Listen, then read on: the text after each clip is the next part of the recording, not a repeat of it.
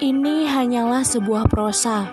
Kupersembahkan untuk kamu yang selalu berjuang di sudut sana, yang selalu berada di belakang layar.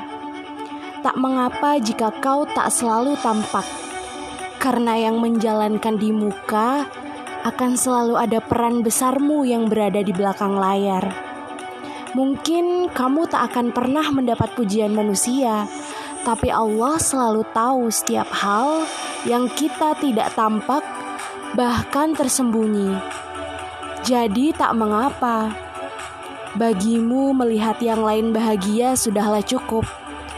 Satu atau dua orang memuji kerja kerasmu, atau bahkan tak pernah sama sekali, kamu tak akan pernah menghiraukannya karena sejatinya kau tak mengharapkan balasan dari mereka. Untuk kamu yang di belakang layar, yang senantiasa belajar ikhlas di setiap jerih payahnya.